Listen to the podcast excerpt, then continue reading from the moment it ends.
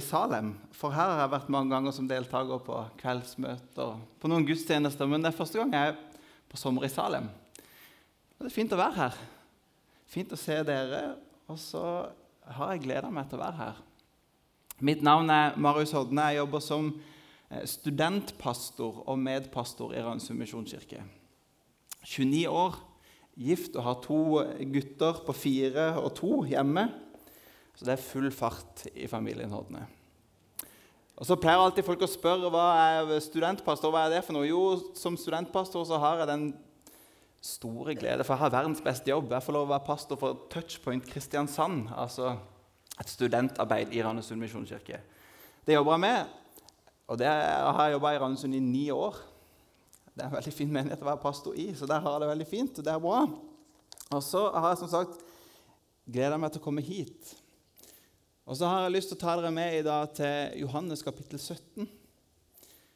Eh, det er sånn at Noe av det jeg syns er mest spennende med å være pastor, det er at jeg ganske ofte får tid, litt ekstra tid til å sette meg ned og så måte, jobbe med en, en bibelstekst. Eller kanskje rettere at den får lov til å jobbe med meg. Det er jo noe av det mest spennende jeg gjør. Mer spennende enn å holde en tale, for det kommer i andre rekke. Det er veldig gøy å jobbe med det. Jeg har lyst til å ta dere med til en tekst til Johannes 17 som har jobba i meg den siste tida. Og som utfordrer meg, og som jeg har lyst til å dele med dere. Og så håper jeg at det kan bli matnyttig for hver og en av oss. Og det er jo ofte sånn når vi forsøker å åpenbare ordet sammen. Eh, denne sommeren har jeg og eh, min kone Marte vært gift i syv år. Eh, det har vært en, eh, veldig, eh, en fantastisk reise. Og som på alle andre fantastiske reiser så legger du på deg noen kilo underveis. Og det har blitt bedre nå, men eh, eh, bare noen måneder etter liksom, ekteskapet var i gang, så var jeg på besøk hos min kjære farmor, som også er i salen i dag. og Jeg, jeg kom inn døra, og så så farmor på meg med du vet, den kjærligheten som bare en farmor kan se, se, se meg. ikke sant? Og så tar hun meg på magen og sier 'Du har det godt, du, Marius'. Og det hadde jeg. Det var helt sant. Ekteskapet har vært en fantastisk reise. Jeg har lært mange ting jeg, underveis eh, av å være gift i noen år. Og En av de tingene som jeg lærte uh, veldig fort, som jeg, jeg, fikk erfare som førstehånds erfaring på, det er at ektepar kan krangle om penger. Så eh, Det gikk ikke lenge før eh, meg, som er en smule gjerrig og sparsommelig, klinsja litt med Marte, som liker litt mer å bruke. Og På et punkt så sa Marte med Marius jeg liker så dårlig når noen holder igjen på mine penger. Og da måtte jeg si at det skjønner jeg, men jeg liker veldig dårlig når noen bruker mine. Og sånn hadde vi det gående litt sånn. Vi, men vi fant ut av det etter hvert. Det er jo egentlig ikke verken mine eller hennes penger, det er jo våre. Det måtte vi lære litt etter hvert. Jeg har lært mange ting etter noe sånt ekteskap. Jeg har lært at en kopp ikke bare er en kopp. Har du tenkt på det før? Det visste ikke jeg, men det har jeg lært. For det at En kopp handler om mye mer enn bare en kopp du drikker av. Det handler om kroppens fasong. Ikke minst handler det om stemninga og varmen i rommet. Og andre faktorer. Så Derfor må du alltid spørre hvilken kopp skal du ha i dag. Det kan du bare notere deg. Det er veldig lurt. Jeg har lært at farger ikke er min greie. for Det er litt sånn hjemme i vårt hus at Marte kan si sånn Marius, nå må, vi, nå må vi endre farge på den veggen, for den har for mye grønt i seg. Så jeg er grønn. Jeg trodde den veggen var blå. Og den har alltid vært blå for meg, men, men det, det er visst forskjell. Eh, ikke minst så har jeg lært at eh, Skal vi se om jeg får denne til å virke. At Paulus sine ord om at eh, 'jeg lever ikke lenger sjøl'. Jeg får ikke den her jeg der. Skal vi se. Det, altså, jeg har lært betydninga av det på en ny måte. Eh, det, det, kan være sånn at sant, jeg eh, begeistra kommer hjem og så sier liksom eh, Eller mine kompiser spør meg skal du være med å spille volleyball i morgen. Ja, jeg skal bare høre med Marte først. ikke sant? Eller jeg kommer hjem og sier vet, det er fotballkamp i dag, full av begeistring. Og Marte sier ja, men vi skulle se på Jakten på kjærligheten i kveld. Eller at eh, jeg kan si om sånn Skal vi ha pizza i kveld? Nei, vi skal ha vegetar-wraps. ikke sant? Eh, eh, er, jeg må lære meg noen ting. Og eh, jeg kan av og til kjenne på det som en unge ung uh, ektemann og småbarnsfar at jeg lever ikke lenger sjøl. Og så høres jo det veldig negativt ut, for det høres veldig begrensende ut. Men, men faktum er jo at å ikke lenger leve sjøl er også en god ting. Jeg vet ikke om du har tenkt på det, men jeg vet jo at jeg kan si at ofte så kjenner jeg at jeg lever ikke lenger sjøl. men veldig mange ganger. Og hver eneste dag så ville jeg jo aldri valgt noe annet. Er dere med på den? Altså, jeg kjenner det noen ganger, jeg kjenner det hele meg, at jeg lever ikke lenger sjøl, men jeg ville jo aldri aldri valgt noe som helst annet. Jeg skal ta dere med et Johannes 17 i dag som egentlig handler om akkurat dette. Altså, Jeg lever ikke lenger sjøl, men ikke på den dårlige, begrensende måten, men på den gode måten. Og det er stor forskjell på det. Jeg lever ikke lenger sjøl, men hadde aldri aldri vant noe annet. Vi skal snakke med deg om, om, det på den måten, på den måten som han aldri ville vært foruten. Eh, dagens tekst den eh, finnes i Johannes kapittel 17, akkurat som jeg sa. Akkurat som bestilt. Eh, jeg har lyst til å ta dere med hit. Jeg sa litt om det. For Johannes 17 det er en, det er en ganske spesiell bibeltekst. Det er en spesiell bibeltekst for hele kapittel 17. Det er en eneste lang bønn. Og Det er den lengste bønnen vi har av Jesus, som er nedskrevet. den lengste bønnen vi har etter han, Og ikke minst så blir den bedt i en helt sånn spesiell sammenheng. Når Jesus ber sin bønn, så har han nettopp vært sammen med disiplene og delt det siste måltidet. Og Jesus vet hvor han skal. Jesus har bedt der og vært sammen med disiplene og delt det siste måltidet. Vi kan lese da i kapittelet etter bønnen at Jesus, han, etter han hadde sagt dette, så gikk han ut sammen med disiplene sine. De gikk over Kedronbekken, inn i en hage som lå der. Og Denne hagen det er jo stedet hvor Jesus gir sitt liv. Ble tatt til fange, dømt uskyldig, for senere å gi sitt liv på korset. Og Jesus når vi kommer hit, han har jo mange ganger advart sine disipler om at dette punktet kommer. Uten at de helt har klart å, å, å, fange akkurat det. Men Jesus, når han ber, så ber jo Jesus en bønn vel vitende om hva som kommer.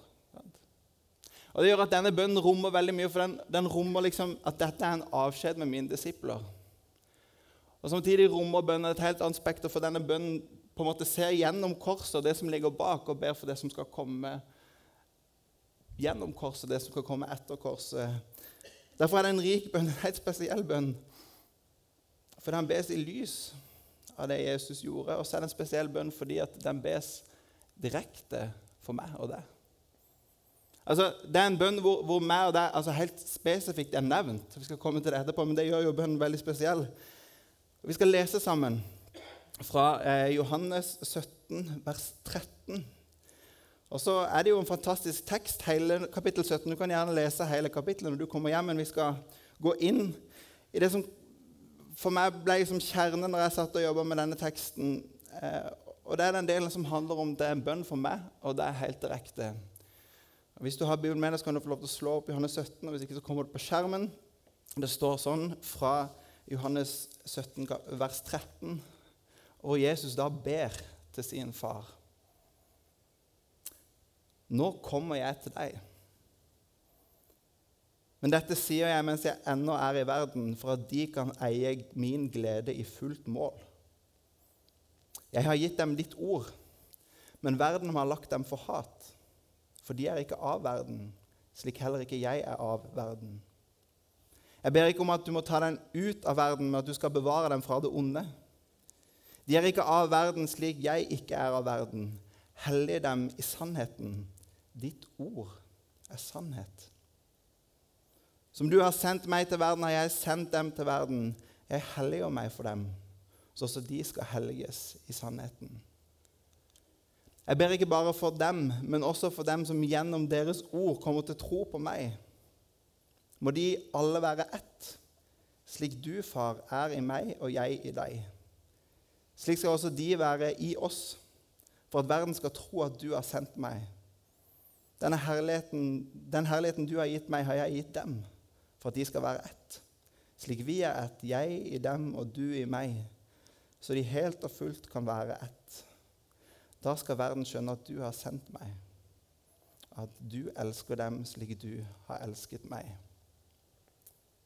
Vi skal be. Herre Jesus, takk for at vi får samles i din nærhet. Når vi samles til gudstjeneste, når vi samles til møte, så er det jo der vi samles om Jesus. Og Vi er ikke bare mennesker som kommer sammen. Men vi er så mye mer fordi at du er her. Og så gjør det forskjellen, Jesus. Det er der vi ønsker å tilbe, det er der vi ønsker å takke. Og så er det der vi ønsker å høre fra. Jeg har lyst til å takke for ditt ord, ordet som vi nå har lest. Helligånd, må du åpenbare ordet for oss. Og tale til oss gjennom ditt ord. Takk for at det er sånn at ditt ord skaper. Jeg har lyst til å be om at ditt ord må få skape noe nytt i våre liv. At det bringer liv til våre liv, møter oss akkurat der vi er. Jeg ber om det i Jesu navn. Amen. Jesus han ber sin bønn. Den lengste nedskrevne bønnen vi har etter Jesus. Han ber den for sine disipler, men han ber den for oss. Altså for de som har kommet til tro gjennom deres ord. Det er oss. Altså meg, og det er helt direkte. Vi er inkludert i den bønnen. Og bønnen inneholder mange elementer. Les hele når du kommer hjem, som jeg sa. Men nå skal jeg forsøke å ta deg med noe i kjernen her. Så jeg har tre punkter til dere. og Det første jeg har lyst til å si noe om, det handler om oppdraget. For Jesus han ber en fantastisk bønn her. Nydelig å lese, men i kjernen av bønnen så finnes det et oppdrag. Jeg vet ikke om du så det når vi leste gjennom teksten, men Jesus ber et oppdrag for sine disipler og for oss helt direkte. Og Det står sånn som dette midt i teksten at som du har sendt meg til verden, har jeg sendt dem til verden. Som du har sendt meg til verden, har jeg sendt dem til verden. Om oppdraget ikke var tydelig nok gitt her, så går det bare noen få kapitler før Johannes gjentar det igjen, og så sier han som far har sendt meg, så sender jeg dere.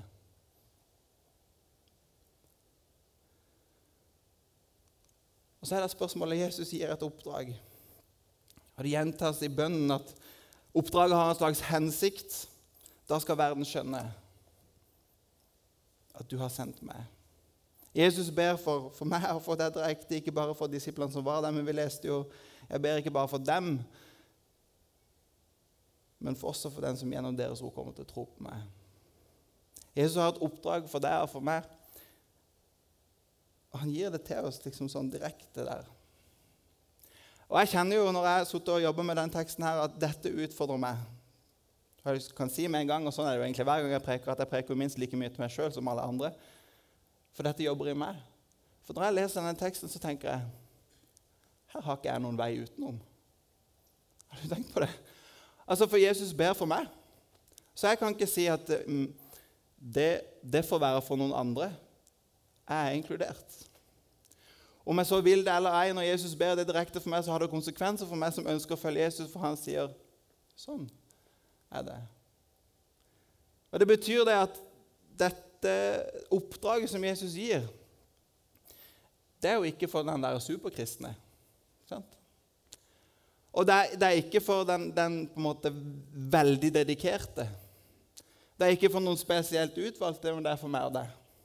Og da kjenner jeg at det er litt utfordrende, for da har ikke jeg noen utvei. Da kan ikke jeg liksom sette det på sida. Men Jesus ber for oss og sier som, som far har sendt meg, så, så sender jeg dere og et oppdrag som hver og en av oss har fått, og målet er klart. At verden skal skjønne at Jesus er sendt. Det er jo nesten en litt sånn finurlig formulering av et oppdrag at, at dere er sendt for å fortelle om Han som er sendt. Men det er det Jesus sier. altså Dere er sendt for å fortelle om Han som er sendt. Og så kan du spørre Hvorfor er det så viktig å liksom overbevise om at Jesus er sendt? Og Når Johannes bruker dette språket, så bruker han et sånt ord, for det at et sånt ord bærer veldig mye mer med seg. Vi skal ikke bare overbevise om at Jesus er født. Jeg skal ikke bare overbevise om at Jesus en gang fantes, at han var en fin fyr, en god lærer, som man kanskje kan si om Jesus, men jeg skal snakke om noe helt annet. Jesus er sendt, og det bærer veldig mye mer med seg at han er født. For Jesus som sendt bryter så mange barrierer som sier noe om hvem Jesus er. Jesus er ikke bare født, men Jesus er sendt, og han bryter himmel og jord for å sendt akkurat hit og blir født. Og så bryter Jesus barrieren mellom synd og skam når han gir sitt liv på korset og gir tilgivelse og nåde. Et nytt liv for meg og deg. Og så bryter han til og med døden ved sin oppstandelse, og så gjør han slutt på den en gang for alle. Det er, det er Jesus som er sendt. Det betyr at Målet er at verden skal skjønne at, at Jesus er Gud, sendt til verden som frelser for å dø på et kors, for så å stå opp igjen og for å senere komme igjen for å gjøre alle ting nye. Det er Jesus som er sendt som frelser og herre At verden skal se i sannhet hvem Jesus er. Dere er sendt for å overbevise, for å vitne om Han som er sendt. I starten av sin tjeneste så snakker Jesus om sitt oppdrag og sin, sin egen selvforståelse av det å være sendt. Og jeg tenker det er jo litt sånn at eh, Vår oppgave blir kanskje litt klarere i lys av Jesus sin oppdrag og hans forståelse av sitt oppdrag og hva det vil si å være sendt. Og I innledning av sin tjeneste så siterer Jesus profeten Isaiah for å beskrive sitt oppdrag. Og Så sier han jo da Herrens ånd er over meg. Han har salvet meg til å forkynne et godt budskap for fattige. Han har satt meg til å rope ut at fanger skal få frihet, og blinde skal få synet igjen. For å sette undertrykte fri og rope ut et nådens år for Herren. Det er Jesu oppgave. Og tenker På mange måter så er det vår oppgave også. Som sendt til denne verden som Jesus var, så er vår oppgave og med vår munn, med mine hender og med mine føtter, å forkynne hvem Jesus er. At han er frelser og Herre.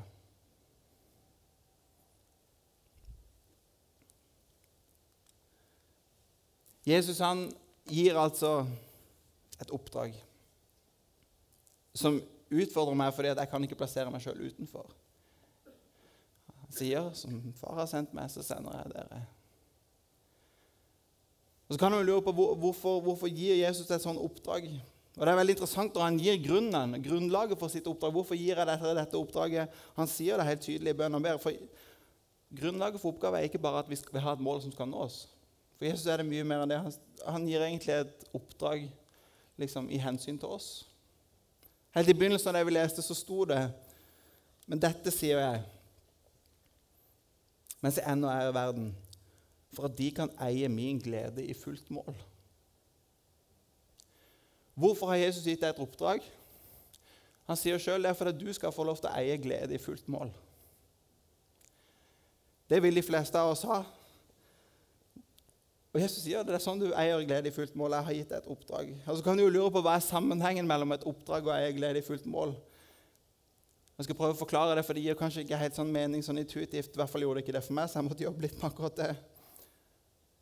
Og Først så må vi kanskje se på hva er, hva er egentlig et oppdrag. Hva, vil, hva, betyr det å ha et oppdrag? Og Imot mitt forsøk på å definere et oppdrag så har jeg tenkt Når man har et oppdrag, så handler det om å ha et mål. Og alt annet kommer i andre rekke for det målet. Sånn er det på film òg.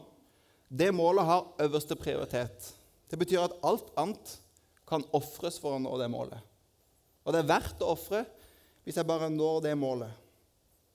Det må være definisjonen på et oppdrag. I vår moderne tid så tenker jeg at sannheten er den at det er svært få som har et oppdrag utenfor seg sjøl som de lever for. Det var superenkel forskning fra min side, men jeg tror det er ganske riktig. Vi, vi skryter av vår tids frihet. Vi lever våre liv som stort sett handler om å realisere oss sjøl og oppfylle de drømmene vi har. Stort sett. Vi har større frihet enn alle tidligere generasjoner. Virkelig. Vi har alt på mange måter. Og Likevel så viser jo flere og flere statistikker at vi blir jo ikke noe lykkeligere av den grunn.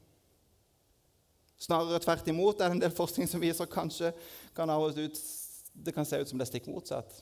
Jeg har all frihet i hele verden, en frihet som alle andre generasjoner kunne drømme om, men jeg har mista gleden. Hvorfor? Den anerkjente forfatteren, forkynneren og teologen Tim Keller, som nylig døde, sier at eh, når dine egne behov er det viktigste i ditt liv, så vil det etter hvert gå opp for deg at ditt liv har ingen betydning for noen andre enn deg sjøl. Og Kanskje er det ganske presist på vår moderne tid. Vi har mista gleden fordi vi holder våre egne behov som det viktigste. Og Tim Keller han fortsetter å si at paradokset at hvis du selv er det viktigste, så vil du stadig føle deg mindre og mindre viktig. Men med en gang du gjør noe annet til det viktigste, da vil du føle deg viktig sjøl. Med andre ord er det noe av dette som Jesus sier, at hvis du ønsker glede i fullt mål, så bli med på oppdraget. Hvis du ønsker glede i fullt mål, et liv med hensikt og mening, så bli med på oppdraget. Og da blir det som Paulus sier, jeg lever ikke lenger sjøl, og det blir på en god måte for at jeg kan eie glede i fullt mål. Det fins et oppdrag her. Det fins en far som sa, og en Gud som sa som far har sendt meg, så sender jeg dere. Jesus har gitt sitt oppdrag. Vi skal ha glede i fullt mål. Og så er det fascinerende at Jesus han gir jo ikke bare et oppdrag. Men Jesus han har også en strategi, en plan for hvordan dette oppdraget skal utføres. Og det er mitt neste punkt. Det handler om oppdragets strategi. Når man skal løse et oppdrag, så har man alltid en strategi eller plan. har man ikke Det Det har jeg også sett på film. Og når jeg var liten, så var eh, Olsenbanden junior veldig populært hos meg. Det er klart Noen har sett Olsenbanden junior, noen har sett liksom, den ordentlige versjonen av Olsenbanden, men vi vet hva vi prater om. Hos meg hadde Egon Olsen en høy stjerne, for han hadde alltid en plan. Altså Egon Olsen visste alltid hva han skulle gjøre. så Det var ikke bare et mål der framme, men det var en detaljert plan for hvordan man skulle komme dit. Det var ikke bare et oppdrag, men det var en strategi, det var en plan. Og Jesus er ikke noe dårligere enn Egon Olsen heller, skjønner du, for han gir en plan her, han også. Ikke bare et mål om hva vi skal få til, men en, en strategi for hvordan kan vi lykkes med det oppdraget som er gitt dere. Jesus har et oppdrag, men han har også en strategi, og Jesus ber i teksten vi leste jeg har gitt dem ditt ord, men verden har lagt dem for hat, for de er ikke av verden, slik heller ikke jeg er av verden. Jeg ber ikke om at du skal ta dem ut av verden, men at du skal bevare dem fra det onde. De er ikke av verden, slik ikke jeg er av verden. Hellig dem i sannheten. Ditt ord er sannhet.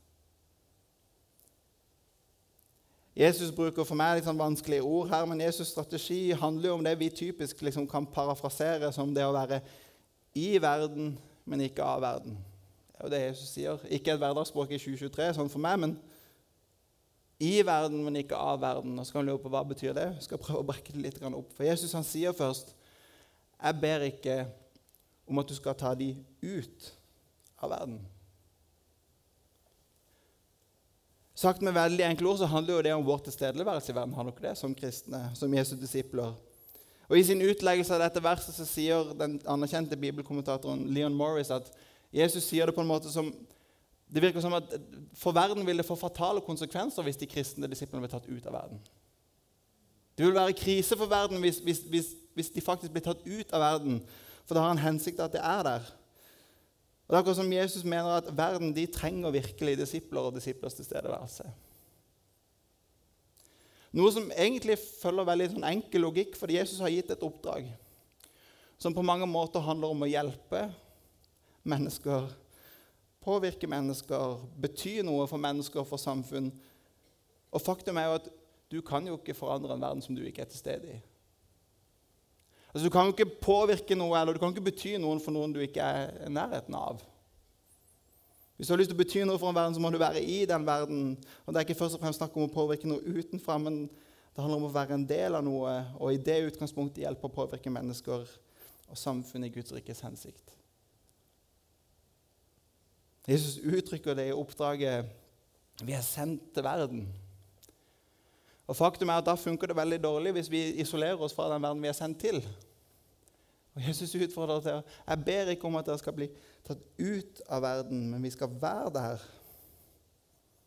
Og Jesus gir ingen detaljer på hvordan det ser ut.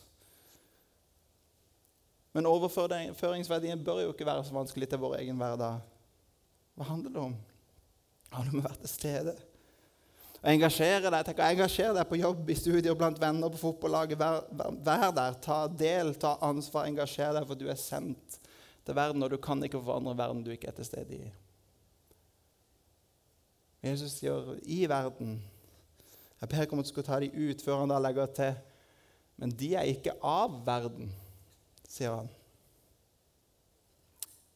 Jesus sier at vi er ikke av denne verden på samme måte som han sjøl ikke er av denne verden. Og Jesus peker på, på et annet opphav. Det fins en, en, annen dimensjon her til våre liv. Verden er ikke vårt opphav, og vi lever på et annet grunnlag. Og Logikken til Jesus er jo ganske enkel. At du forvandler jo ikke verden med å være helt lik den. Gjør du det? Det er jo Jesus sitt enkle poeng på mange måter. Du forandrer jo ingenting med å være akkurat lik alle andre. Og det å være ikke av verden handler jo egentlig om å være annerledes. Og I sin bønn så ber jo Jesus òg, i sammenheng med ordet. Han sa, 'Jeg har gitt deg ditt ord'. Ditt ord er sannhet. Og Vi som disipler er jo ment å være ordets folk. Vi lyder noe annet. Vi er ikke av verden, vi har en annen herre. Det er noe annet som har autoritet i mitt liv. Det er noe annet som setter retninger for mitt liv, nemlig Gud, nemlig Herren og Hans ord. Og Så sier Jesus at det skal være i verden, men det skal ikke være av. Og Jesu poeng er jo at det må finnes en slags balanse her. Vi må balansere det på en eller annen måte. Og så er spørsmålet hvordan ser det ut. Dessverre så er det jo ofte blitt, blitt sagt om de kristne det motsatte. altså De er av verden, men de er ikke i. Altså, Kristne har en tendens til å isolere seg, mens når alt kommer til stykket, så er det ikke noe annerledes, de heller. ikke sant? Vi er av verden, men vi er ikke i. Når alt kommer til stykket, så er vi like tilbøyelige til alt mulig. Vi også. ikke sant? Jeg trenger ikke gå lenger enn meg sjøl for å finne et sånt eksempel. Jeg vet jo at jeg har tilbøyeligheter til alt mulig i mitt liv hvis ikke Jesus får lov til å jobbe med mitt liv. Så er jo det sannheten om meg. Hvis ikke Gud får lov til å jobbe med mitt liv, så fins det ingen eh, forskjell på meg og andre. Og Jeg kjenner jo også dragninga til å isolere meg veldig godt. På et punkt i mitt liv når jeg var student, så, så, måtte jeg innse at kanskje jeg må gjøre noe med den balansen fordi at jeg var, jeg var student på Ansgar-skolen på teologistudier og hadde bare venner som var kristne, medstudenter som var kristne og pastorspirer. Og så jobba jeg i menighet som ungdomspastor. Og det er klart at det var mange ungdommer som, som ikke hadde en tro, som tok imot Jesus. Det var fantastisk. Men jeg, men jeg jobba i menighet. Og jeg hadde stort sett bare kristne venner. Jeg hadde bare kristne venner, det er ikke å underdrive engang. Og så er jo spørsmålet Hvordan ser den balansen ut hos meg? Det blir sagt om kristne at de er, de er like mye av verden som alle andre, men de er ikke til stede i. Og for meg så var det kanskje sant. Og så vet jeg ikke hvordan den balansen ser ut hos deg. Jeg har ikke tenkt å gi deg noe konkret svar på det heller. Men før jeg går videre, så har jeg lyst til å poengtere noen ting her. For disse perspektivene leder av, noen ganger til noen veldig dårlige måter å løse den balansen på. For når jeg kan noen ganger høre at vi må være i verden, så hører jeg noen som gjerne vil slutte på gudstjeneste og melde seg ut av det kristne fellesskapet, og de vil være til stede i verden. Jeg, kan, jeg hører de argumentene noen ganger. Så tenker jeg det tror jeg ikke er hva Jesus mener. Jeg tenker Du trenger det kristne fellesskapet. Det jo i hvert fall jeg. Så kanskje er det flere med meg.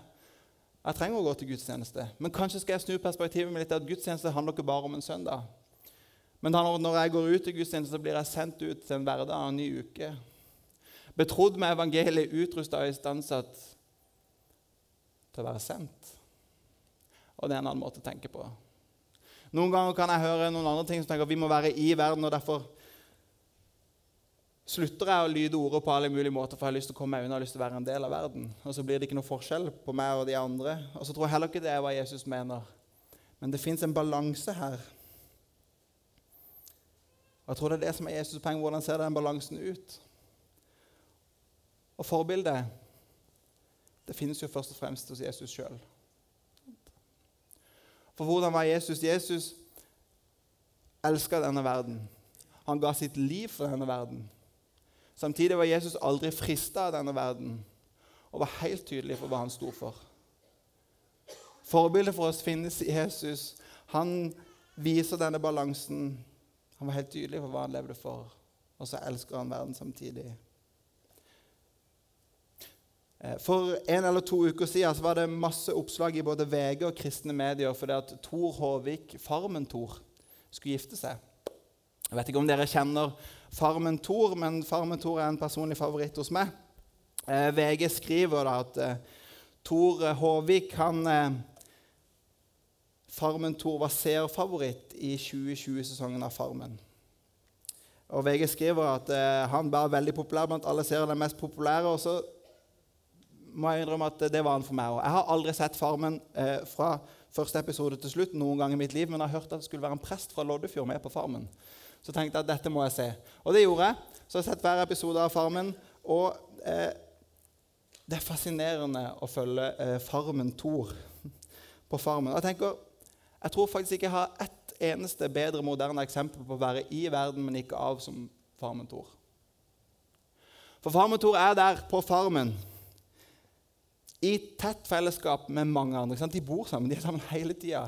Tett relasjon, nær relasjon. Midt i all dramatikken som du finner i en reality-serie. Og det er jo ikke bare litt. ikke sant? Og der er Tor godt likt av alle. Noe som kommer tydelig til uttrykk i alle intervjuer underveis, hvor de sier at jeg vet ikke om jeg orka å være her hvis det ikke hadde vært for Thor'. Samtidig så er presten fra Loddefjord helt annerledes enn alle andre.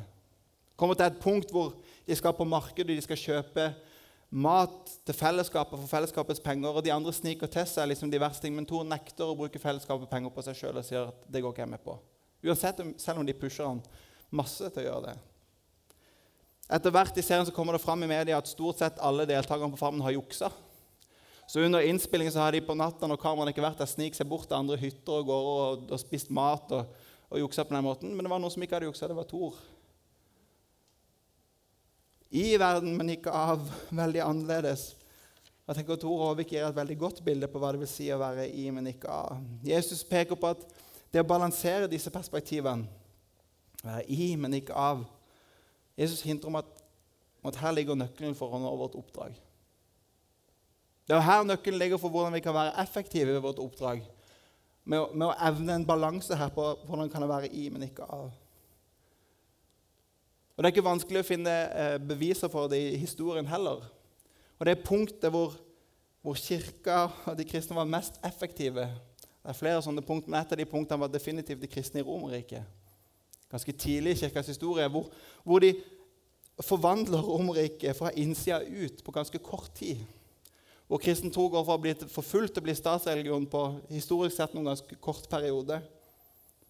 Vi kan lese masse om disse kristne, og blant annet kan vi lese hos den romerske historieskriveren eh, Soto, eh, Oi, beklager. Eh, Sotonius. Jeg øvde på å si det på forhånd, men det klarte jeg ikke å si bra nå. Sotonius. Men Sotonius han skriver, og så kritiserer han de kristne. Og beskriver dem for å være av en annen art. Ikke fullt ut mennesker. Han kritiserer dem for å være et slags undermenneske. Fordi de står for noen ting som de ikke kan fatte at det går an å stå for. Noen av de tingene som Sotonius og de fleste folk i Rom reagerte på, var bl.a. disse tingene her. De ville ikke gå med på blodtørstig underholdning som fantes på gladiatorfestivalene i Colosseum. De ville ikke gå med på det. De ble ansett for å være usosiale. Han skriver videre at eh, de var imot drap på spedbarn. Romersk lov påbudte at syke barn skulle drepes. Det var ikke kulturelt akseptert. For, for en familie å beholde de jentene de fikk hvis de hadde mange jenter i familien skulle ikke la dem vokse opp. Suetonius skriver videre at de var imot sex utenfor ekteskap og holdt ekteskapet for å være mellom mann og kvinne. Det er jo veldig rart. Går det an å tro på det? De var veldig opptatt av at de skulle hjelpe de fattige. Hva skulle det være godt for de fattige hadde bare seg sjøl å takke? Og så gir han de kristne det glatte lag for å stå for noen av disse tingene. De kristne i Romerriket var definitivt ikke av verden. Men de var samtidig i han. Så tydelig at de endra Romerriket fra innsida ut. For det var en ting til som ble skrevet om de kristne, og som var kjent blant de kristne. De eksemplifiserte noe av det Jesus sier i liksom andre del av sin strategi, at uh, de må være ett. De skal være ett. For den tingen som de kristne var kjent for i Romerike, var ikke bare disse tingene de sto for, men det som ble snakka om på torgene, var å se hvordan de elsker hverandre. Se den kjærligheten de har til hverandre. Det står skrevet i historien òg. Den omsorgen de hadde for hverandre, kjærligheten de hadde til hverandre. Det var ryktet som spredde seg her på de kristne, eller på torgene i det romerske riket. Se hvilken kjærlighet de har for hverandre. Så tenker jeg at Spørsmålet er om det er det som, som er våre rykter på norske torg i 2023. De var definitivt ikke av verden. De levde annerledes, sto for noen andre verdier. Var gjenstand for massiv kritikk. Og Samtidig var det så utrolig synlig hvordan de elska hverandre og sine medmennesker. På en måte at det ble snakkisen på diverse torg rundt om i Romerriket. Og da ble det som Jesus forutsa. Da skjønte verden at han var sendt. Jesus han eh, snakker om oppdraget. Og så snakker han om oppdragets strategi. Jeg har så lyst til å ta det med til det siste punktet her, og det handler om oppdragets drivkraft. Fordi Jesus han gir et oppdrag. Han har en strategi og en plan. Han sier noe om hva, han sier noe om hvordan. Men det gjenstår egentlig et viktig spørsmål. Det handler om hvorfor. Og sånn sett har Jesus pekt litt på det. Det handler om at jeg vil at dere skal kunne eie glede i fullt mål. Jeg vil at dere skal ha et liv med hensikt og mening. Jeg vil gi dere glede i fullt mål. Men allikevel tenker jeg det er betimelig å spørre hvorfor skal dette være mitt oppdrag? Hvorfor skal mitt livsoppdrag handle om Jesus? Jeg tenker Faktum er at Jesus kan være målet for mitt oppdrag fordi jeg var målet for hans oppdrag. Har lyst til å si det igjen. Jesus kan være målet for mitt oppdrag fordi at jeg, jeg var gjenstand for hans oppdrag. Jeg var målet for hans oppdrag, og du var målet for hans oppdrag.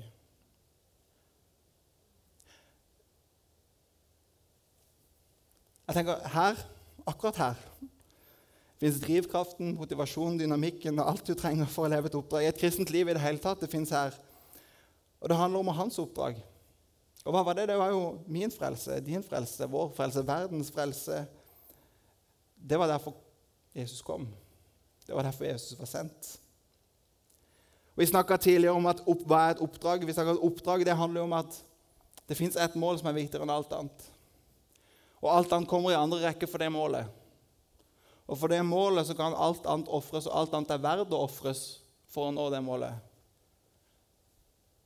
Og akkurat det eksemplifiseres jo ikke bedre av noen andre enn Jesus. Hva er det han gjør som ofrer sitt liv for meg og for deg?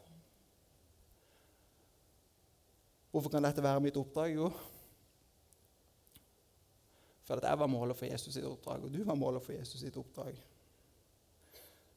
Og Da handler egentlig ikke vårt oppdrag om noe annet enn å gi alt tilbake til Han som ga alt for meg.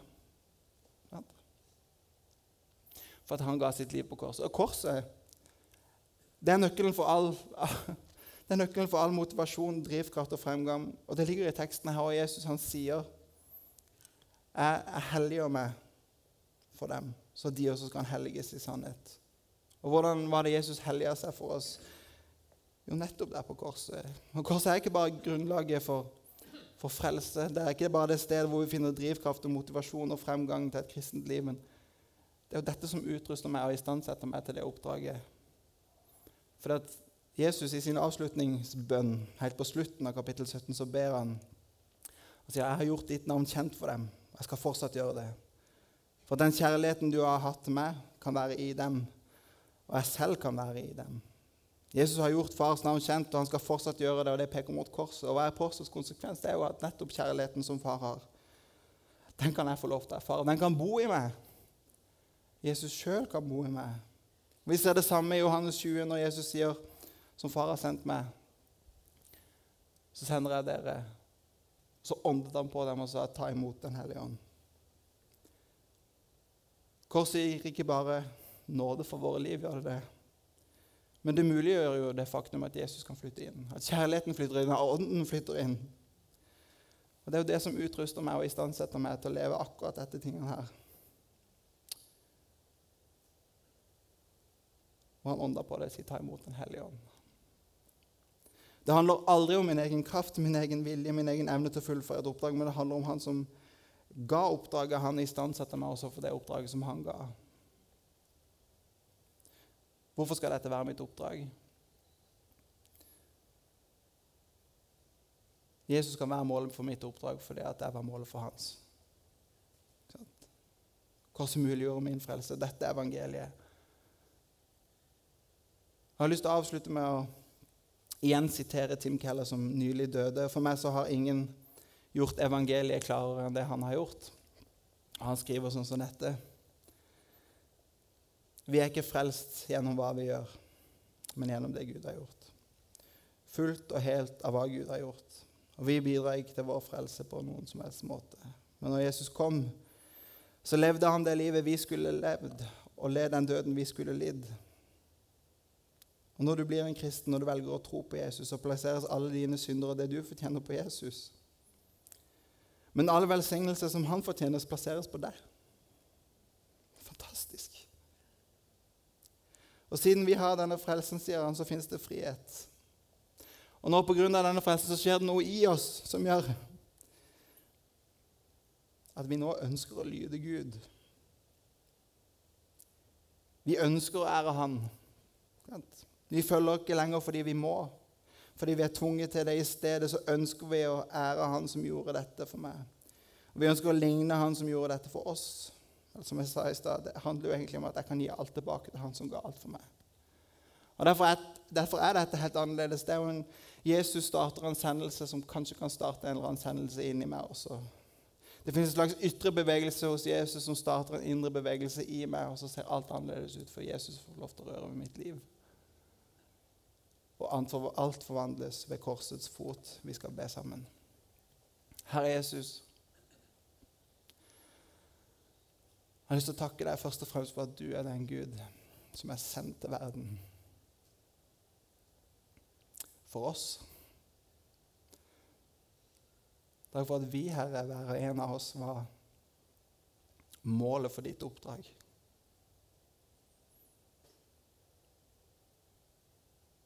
Et oppdrag som hadde høyeste prioritet hos deg, på den måten at du ofra alt. Du. du ga ditt eget liv for å muliggjøre fellesskap for oss. Og så kaller du oss, Herre Jesus, til å være en del av dette oppdraget som far har sendt meg, så sender jeg dere. Og jeg har lyst til å be for oss, Jesus. Må det som starta som en sendelse hos deg, få lov til å bli en sendelse i våre liv. For hver enkelt av oss. Og du sier, Herre, sånn kan dere eie glede i fullt mål. Sånn kan du ha et liv med hensikt. sånn.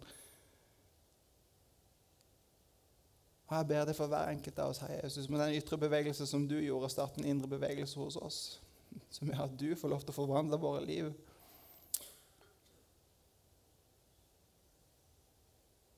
Sånn at vi kan være i, men ikke av.